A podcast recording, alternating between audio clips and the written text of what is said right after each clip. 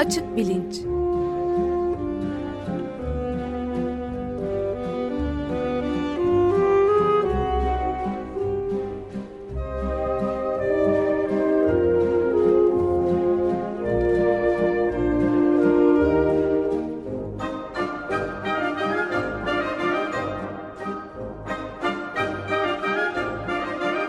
Güven Güzeldere ile bilim ve felsefe sohbetleri.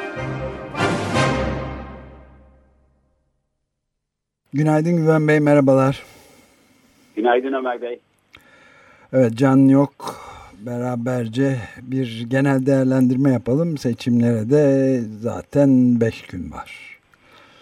Evet, seçimlerden önceki son Açık Bilinç programı Cumhuriyet tarihinin en önemli seçimlerinden bir tanesini e, artık ramak kaldı.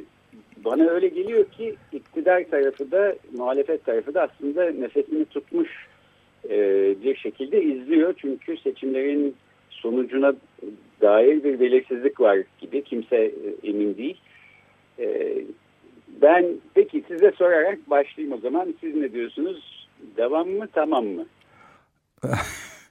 Valla ben şeyin Arundhati Roy ile yapılmış hoş bir mülakat e, gördüm. Röportaj The Guardian'da bu yeni kitabı çıktıktan sonra yakından takip ettiğimiz bir e, şey yazar ve aktivist çok uzun zamandan beri kendisiyle de şey yapmıştık. Epey mülakat da yapmıştık. Ona soruyorlar.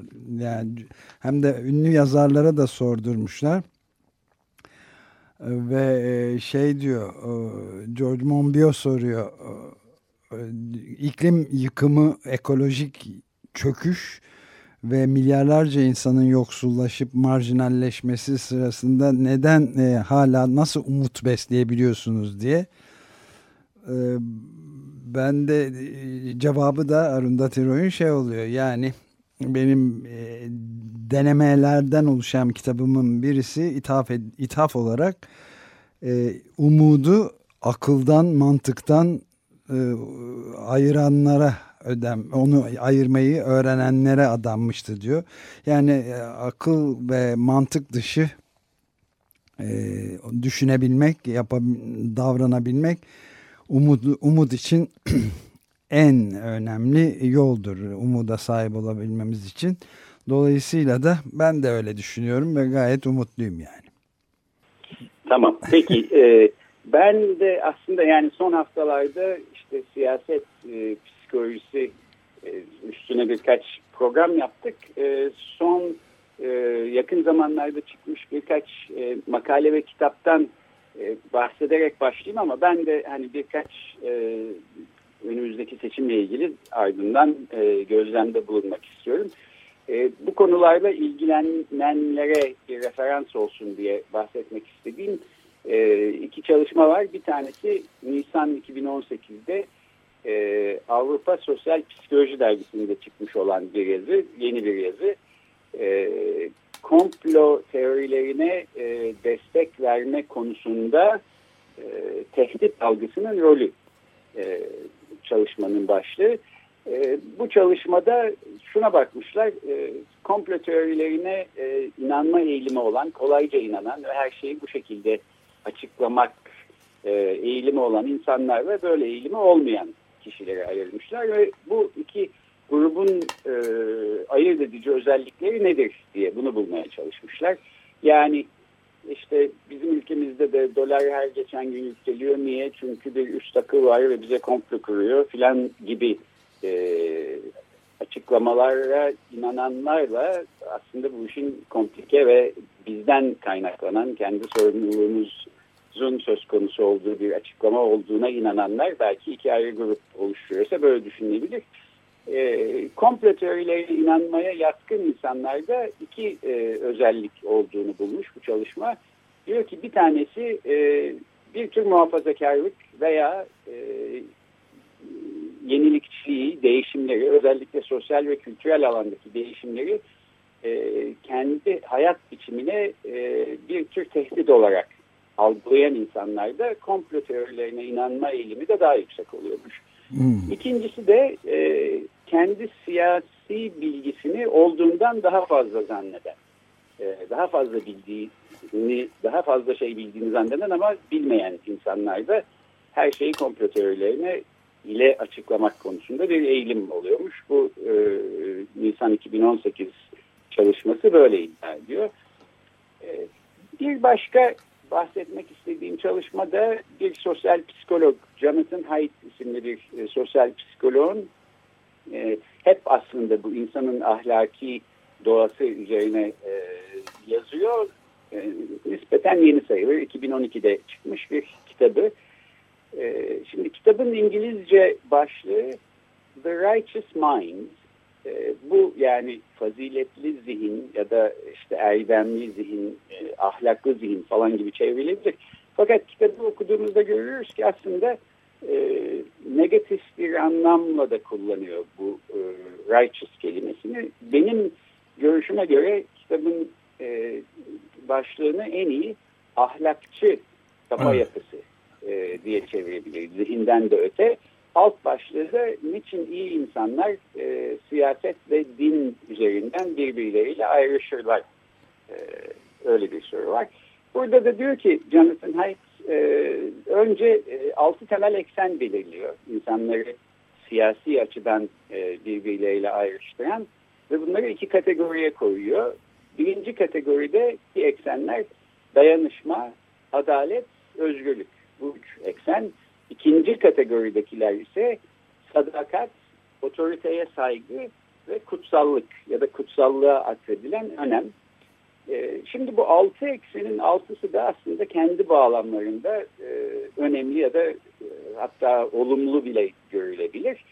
E, fakat Haidt diyor ki bu ilk kategorideki eksenler sizin dünya görüşünüzü belirliyorsa yani dayanışma, adalet ve özgürlük öncelik önceliğe sahipse sizin dünya görüşünüzde siz işte bu siyasi yelpazenin daha solunda yer alıyorsunuz demektir otoriteye saygı, kutsallığa önem ve sadakati önemli bulur, daha önemli buluyorsanız o zaman daha sağda, sağ ideolojilere yakın bir yerde yer alıyorsunuz demektir.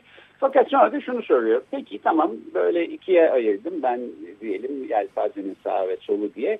Ama aslında bu e, sağdaki de soldaki de insanları birleştiren ortak bir nokta var iddiasında.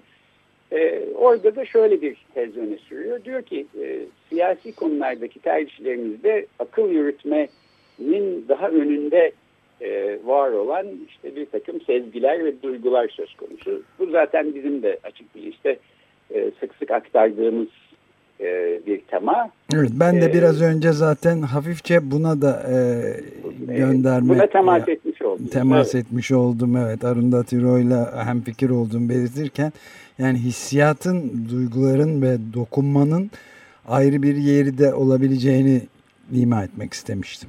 Evet, aynen.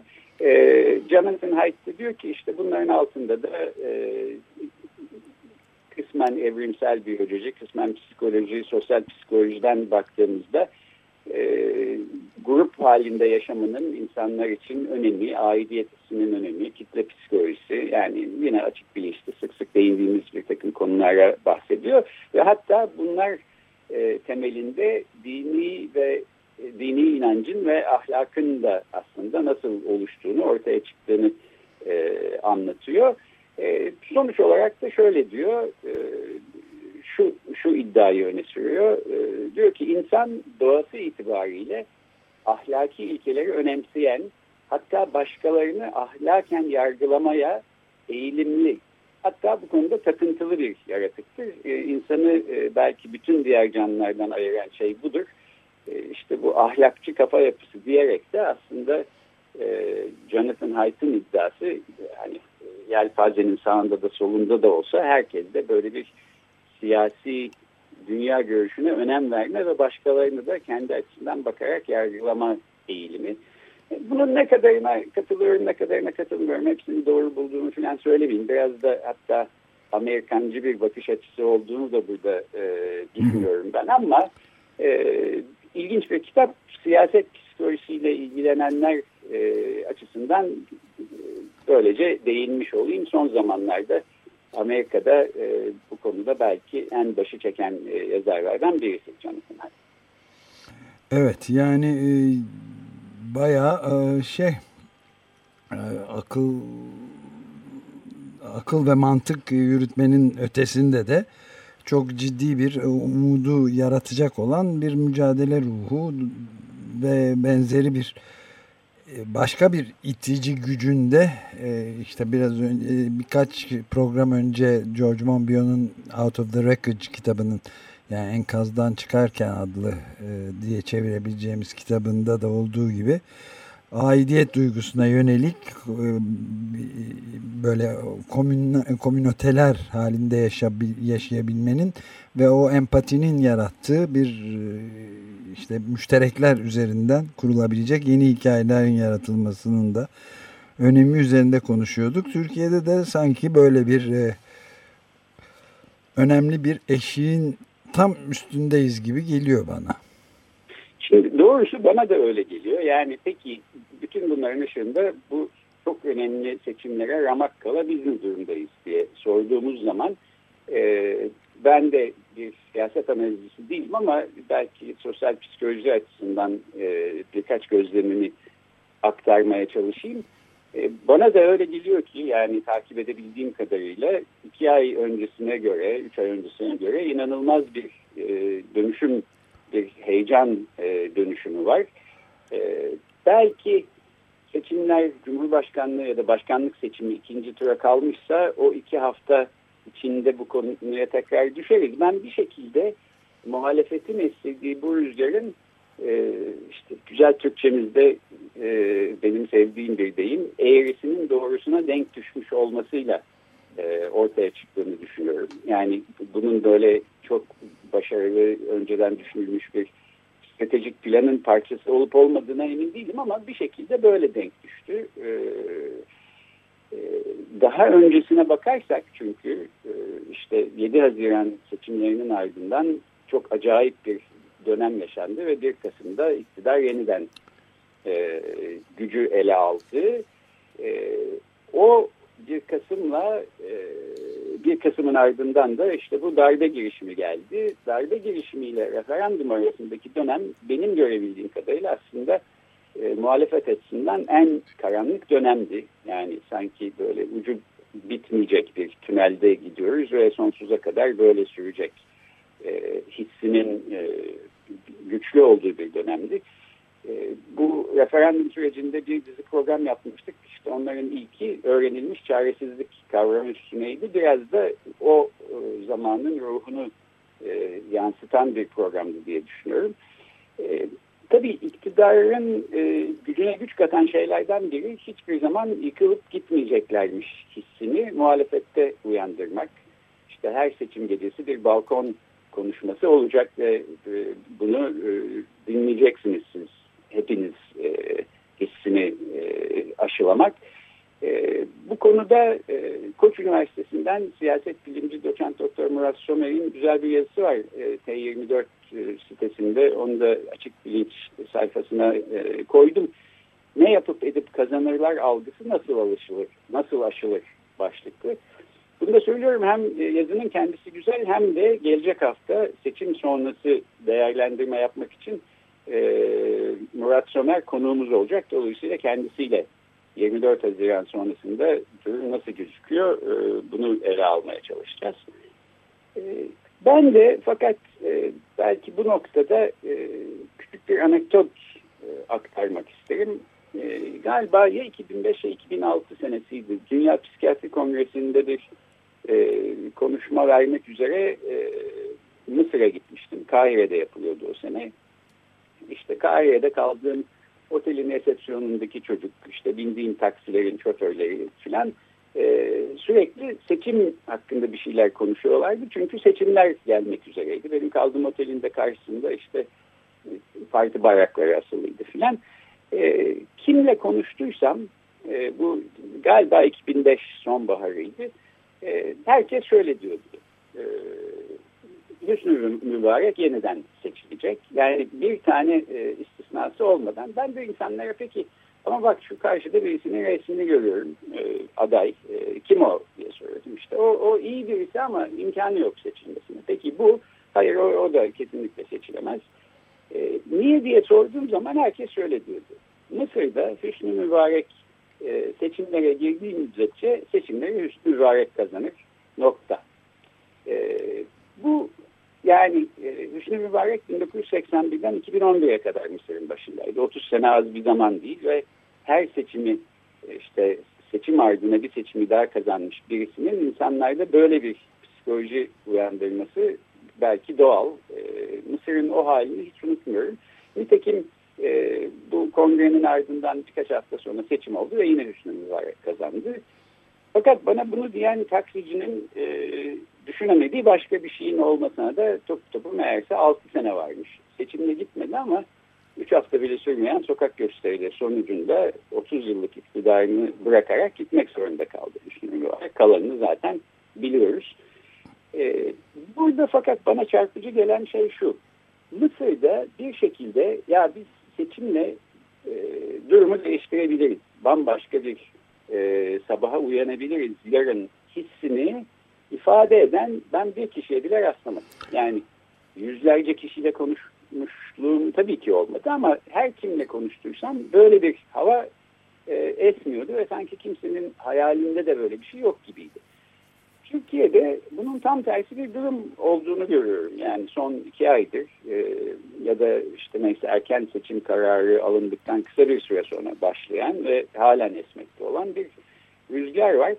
Bu bunu önemli buluyorum. Yani bu mesela toplumsal hafıza denen kavram e, benim pek sevdiğim açıklaması kolay bir kavram değil. Ne şekilde işte bireylerin hafızalarını toplamıyla mı açıklayacağız? Başka bir e, entiteden mi bahsedeceğiz? Ne yapacağız? E, bir takım sorumlu tarafları var ama belki yani amatörce şöyle bir gözlemde bulunayım. Türkiye'de bir iyi kötü de olsa bir seçim geleneği, işte seçimle iktidarların değişmesi, bu anlamda bir demokrasi geleneği varsa ve bunun toplumsal hafızada yer etmiş bir e, kısmı varsa bunun herhalde bir uyanması, canlanması, bir rüzgar estirmesini e, görüyoruz gibime geliyor bana. Evet, ben de buraya bir ufak e, ilavede bulunayım izninizle. Yani bende de tamamen aynı duygu var. Yani yakında yakın çevremizde olan bazı arkadaşlarımızda da öteden beri bu sizin biraz önce söylediğiniz Mısır'daki duruma benzer bir argümantasyon da vardı. Yani yeni seçim yenileceği bir seçime asla gitmez. E, bütün mekanizma ona göredir diyenlere karşı e, ben de naçizane e, hep şeyi savunuyordum. Yani Türkiye'de sizin de iyi kötü dediğiniz oldukça önemli bir demokrasi kültürü var. Yani sık sık askeri darbelerle zedelenmiş olsa hatta zedelenmenin ötesinde parçalanmış da olsa her şeye rağmen inatla 1946'daki ilk hileli seçimi saymazsak İsmet Paşa'nın 1950'den sonra uzunca bir süre Batı e, demokrasisi anlamında Mısır'dan ve diğer pek çok ülkeden farklı olan bir demokrasi kültürü vardı ve bunun da yerleşmişliğini düşünüyordum. Yani öylesine çok sayıda üniversitelerde akademisyen olan olmayan e, gazeteciler arasında da e, böyle kendi kalemini ve beynini satılığa çıkartmış olmayan ve cesaretle yazan hatta içeride hapse de atıldığı halde yazmaya devam eden son derece önemli pek çok insanın bulunduğu bir yerde e, sık sık verdiğim bir örnek var benim. Çok etkilendiğim bir şey. Noam Chomsky ile profesör Chomsky ile yaptığımız 2010'daki e, e, bir mülakatta çok e, zaman oldu tabii ama ilk e, Türkiye'nin e, birçok batı ülkesinden farklı olarak e, şey yapabilen bambaşka bir e, boyun eğmeyen intelijentsiyası olduğunu ve demokrasi mücadelesini büyük riskleri göze alarak yalnız intelijensiya da değil entelektüeller de değil aynı zamanda işte e, siyasetçileri de dahil olmak üzere kendi hayatını hapse girmeyi hatta hayatını da tehlikeye atarak adalet ve özgürlük e, için e, mücadele verenler olduğunu çeşitli örneklerle vermişti. Başta İsmail Beşikçi olmak üzere 17 sene yatmış olan evet. ve başka hiçbir yerde de bir tek örneği bile olmadığını söylemişti Batı'da ve Yaşar Kemal gibi mesela son derece saygın bir yazarın da her şeyi riske ederek yazılarında ve konuşmalarında ve çalışmalarında bunu yaptığını gördüm. Birçok bir örnek vermişti yani. Ben e, her zaman bu açıdan farklı bularak şey yaptım ve şimdi de mesela şeyi düşünmekteyim. Yani artık iyice e, İngilizce'de vulnerable dedikleri yani zaafları ortaya çıkmış olan bir e, tek kişi rejimi, tek adam rejiminin kurulmaya çalışmasına karşılık ve bütün hukukun yargı organının bağımsızlığının ayaklar altına alınmış olduğu bir ortama rağmen e, ciddi bir e, halk içinde de yani kitleler arasında da ciddi bir şey olduğunu e, görmemek mümkün değil. Yani sonucunu kestirmek mümkün değil ama işte benim de başta söylediğim yani Umut e,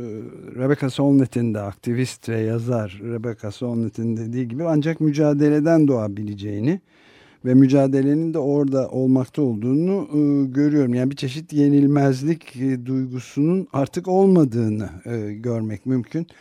Hatta e, yani adam akıllı da ilginç örnekleri de var.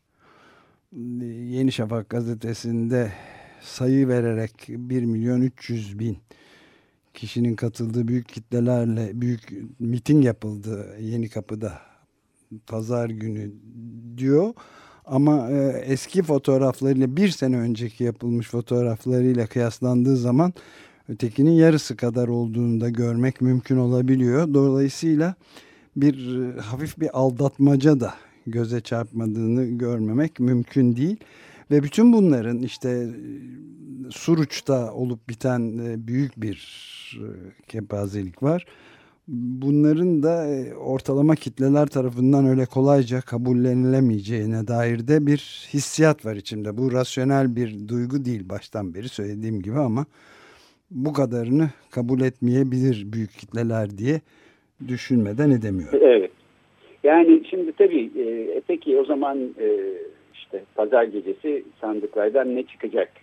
Nasıl bir sonuç çıkacak deyip bu konuda spekülasyonlar yapmanın alemi yok. Çünkü bunu anketçiler bile bilemiyor. Evet, Ama sizin dediğiniz e, ümit aslında bence de boş bir ümit değil. Çünkü onun altını dolduracak e, bir takım e, mesnel e, faktörler var gibi gözüküyor. Yani iktidar tarafına bakacak olursak mesela e, iktidarın da sanki kendisinin içselleştirdiği bir yenilgi duygusunu e, kısmen görmek mümkün. E, sürekli bir diriliş ya da şahlanıştan bahsediliyor ama yani biliyorsunuz yerle bir olmadan şahlanmak e, gerekmez ya da e, ölmediyseniz dirilmeniz gerekmez. E, bir seçim e, kampanyalarında bir nostalji rüzgarı esiyor sanki. İşte köprüler yaptık, şunu ettik, çöpler toplanmıyordu, e, tuvaletler 1 milyon liraydı filan kadar e, vardı. E, ve e, işte gençler bunları bilmez, siz anlatın onlara diyor Cumhurbaşkanı. Bu tabii şu demek yani ben anlatamıyorum gençlere ya da onlara ulaşamıyorum ya da bu konuda bir endişem var ama geylere anlatsın ki gençler bizim değerimizi bilsin. E, bunlar e, yeni söylemler. Yani iktidardan bu tür e, söylemler daha önceki seçimlerde pek duymuyorduk.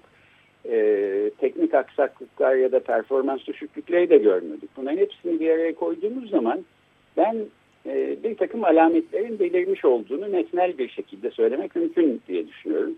Evet belki ee, bunlardan bir tanesi de bu alametlerden sonuncusu da gene e, Yeni Şafak'ta Yeni Kapı mitinginden gördüğüm çok e, son derece yorumlanması e, zor, tuhaf bir ifadesi var. Yani şey babalar gününde yapılmış mitingden bahsediyor Sayın Cumhurbaşkanı Erdoğan ve işte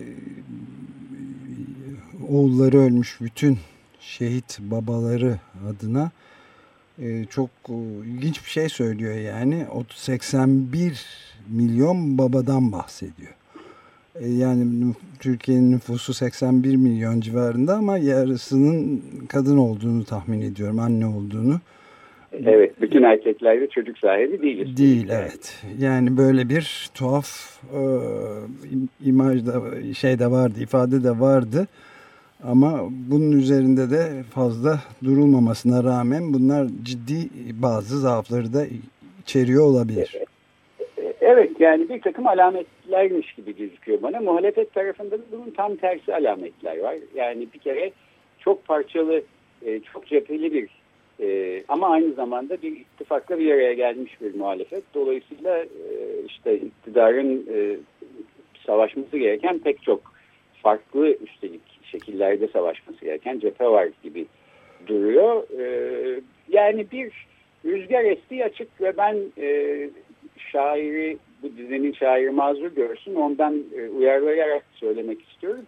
Sanki meydanlarda Türkiye'nin işte yarısı civarındaki insan şöyle diyor. E, biz artık senden kurtulabilme ihtimalini sevdik e, diyorlar. Ya da böyle bir rüzgar esiyor. Bana benim okumam bu en azından e, bu heyecanı.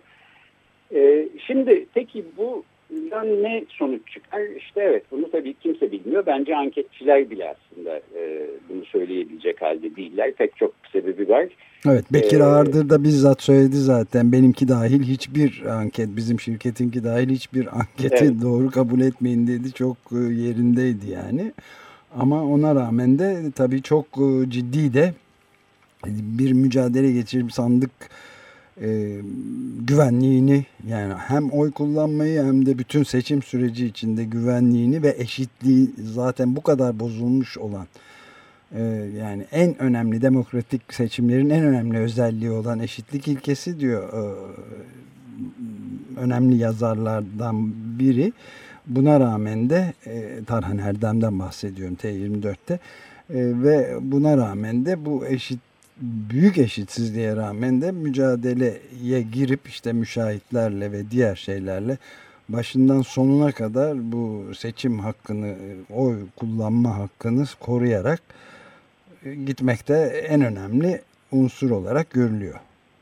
Evet, evet ben de buna değinerek o zaman programı bağlayayım. Sahiden e, yani geçen hafta Avrupa Güvenlik ve İşbirliği Teşkilatı'nın yayınladığı bir rapor var. E, orada mesela e, seçimler hakkında pek çok e, konuda ikazda bulunuluyor ve aslında Türkiye açısından yüz kızartıcı pek çok gözlemleri var. E, işte medyayı hükümetle bağlantılı veya kamu ihalelerine bağımlı sahipleri olan kuruluşlar filan diye tanımlıyor. E, o hal altında seçime giriyoruz seçim kanununda son derece ilkesizce yapılan yalnızca belli bir fayda uğruna işte iktidarın daha çok e, oy toplayabilmesi uğruna yapılan e, karman çorman değişiklikler var.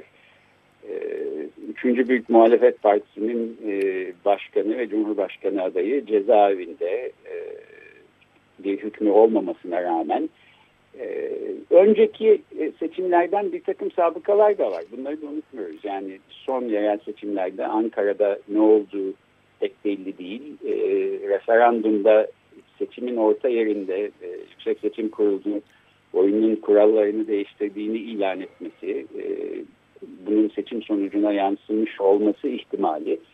E, bütün bunlara baktığımız zaman eğer yakın sonuçlarla bitecekse bu seçim 24 Haziran akşamı 25 e, Haziran'da e, son derece şaibesiz temiz yapılmış ve herkesin kabul edileceği bir seçim sabahına uyanacak mıyız emin değilim. Yani e, maalesef öyle olmamasını tercih ederim ama emin değilim. Bunu herhalde o zaman konuşuyor olacağız. E, fakat yine de şunu söylemek lazım. E, burada e, yapılacak şey elbette e, yani seçimler e, açıklanmadan önce bir takım kesimlerde acaba boykot mu yapılsın filan gibi şeyler konuşuluyordu. Onların da pek artık konuşulmadığını görüyoruz. Evet bu Çünkü çok abi, önemli bir nokta bence de sözünüzü kestim ama yani boykotun bir e, sivil itaatsizlikle hiç alakası olmayan ve mesela Venezuela gibi bir yerde nasıl bir feci sonuç verdiğini de seçim boykotu kadar e, bence yanlış hiçbir şey olamaz. Hala savun yani savunan arkadaşlarımız bazı e, tanıdıklarımız yazarlar vardı ama e, bu bence söz konusu bile olamayacak bir şeydir. Tam tersine. Evet yani çok bir... özel koşullarda belki söz konusu olabilir. O koşullarda değil. Ben de kesinlikle e, boykota karşıyım. Tam tersi e, oy vermenin ötesinde aslında sandıklara sahip çıkmanın çok önemli olduğunu düşünüyorum. Ben e, bu seçimde Türkiye'de bulunamadığım için e, yurt dışında hali hazırda oyumu kullanmış durumdayım. E, daha önce mesela oy ve ötesi e, gözetiminde e, sandık müşahitliği yapmıştım. E, bu seçimlerde ben bunu yapamıyorum fakat sandıklara sahip çıkan gerek oy ötesinden gerek benzeri başka sivil toplum kuruluşlarından gerek e, parti örgütlerinden pek çok insan olduğunu ve aslında bu seçimde belki sandıklara sahip çıkma konusunda e, en yüksek hassasiyetin ortaya çıkmış olduğunu görüyorum. Hem kendi Aynen adıma öyle, hem evet. ülkem e, adına bir teşekkürü hak ediyorlar. Buradan o teşekkürü de söylemiş olayım. Evet birçoklarıyla da yani bazılarıyla da görüştük ve bu hafta e, bir e, birkaçıyla daha konuşma, mülakat yapma imkanı da bulacağımızı ümit ediyoruz. Can onların peşinde organize etmekte. Ama son derece e, yani ciddi bir e, hazırlık içinde de e, girildiği e, bu se özellikle seçim güvenliğini ve eşitliği sağlamak üzere son derece ciddi bir özellikle genç kesimden ciddi bir hamle olduğu da e, göze çarpıyor doğrusu. Evet, evet. Benim e, gençliğimin e, sevdiğim müzik gruplarından bir tanesi Mozaik'in e, Çok Alametler Belirdi diye bir şarkısı hatta albümün de başlıydı galiba vardı. E, ben en azından bir takım alametlerin belirmiş olduğunu ve bunların belirleyici olduğunu düşünüyorum. Hangi vadede e, sonuçlarını göreceğiz bunu söylemek güç. E, fakat önceki haftalarda e, birkaç hafta üstünde duyduğumuz özgür irade konusuna dönerek e, o zaman son sözlerimi söyleyeyim. E, kimi felsefecilerin söylediği gibi e, seçme özgürlüğümüz var, özgür irademiz var. Asıl seçmeme özgürlüğümüz yok. Çünkü seçmemekle de ya da uzak durmakla da bir seçim yapmış oluyoruz istesek de istemesek de ve aslında başkalarının bizim yerimize bir seçimi belirlemiş olmasını e, seçiyoruz. E, bunu unutmamak lazım. Her şey olacağına varır falan gibi e, boş klişe sözler söylemek yerine e, her şey aslında bizim olduracağımıza varır. Her zaman olduğu gibi diye düşünmek ve bu şekilde e, hareket etmek önemli diye düşünüyorum. Böylece e, seçim öncesi son e, cümlemi e, söylemiş olayım. Aynen öyle ben de katılıyorum. Peki çok teşekkür ederiz Güven Bey. Bakalım. E, haftaya Murat Somer'i de aramıza alarak bir seçim değerlendirmesi yapıyor olacağız. E, görüşmek üzere. Görüşmek üzere. Hoşçakalın. Hoşçakalın.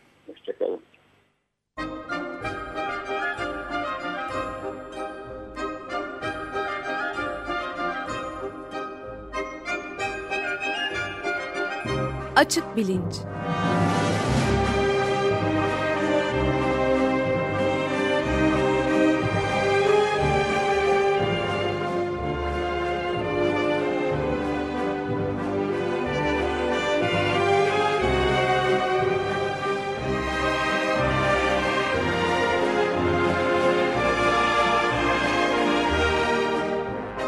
Güven Güzeldere ile bilim ve felsefe sohbetleri.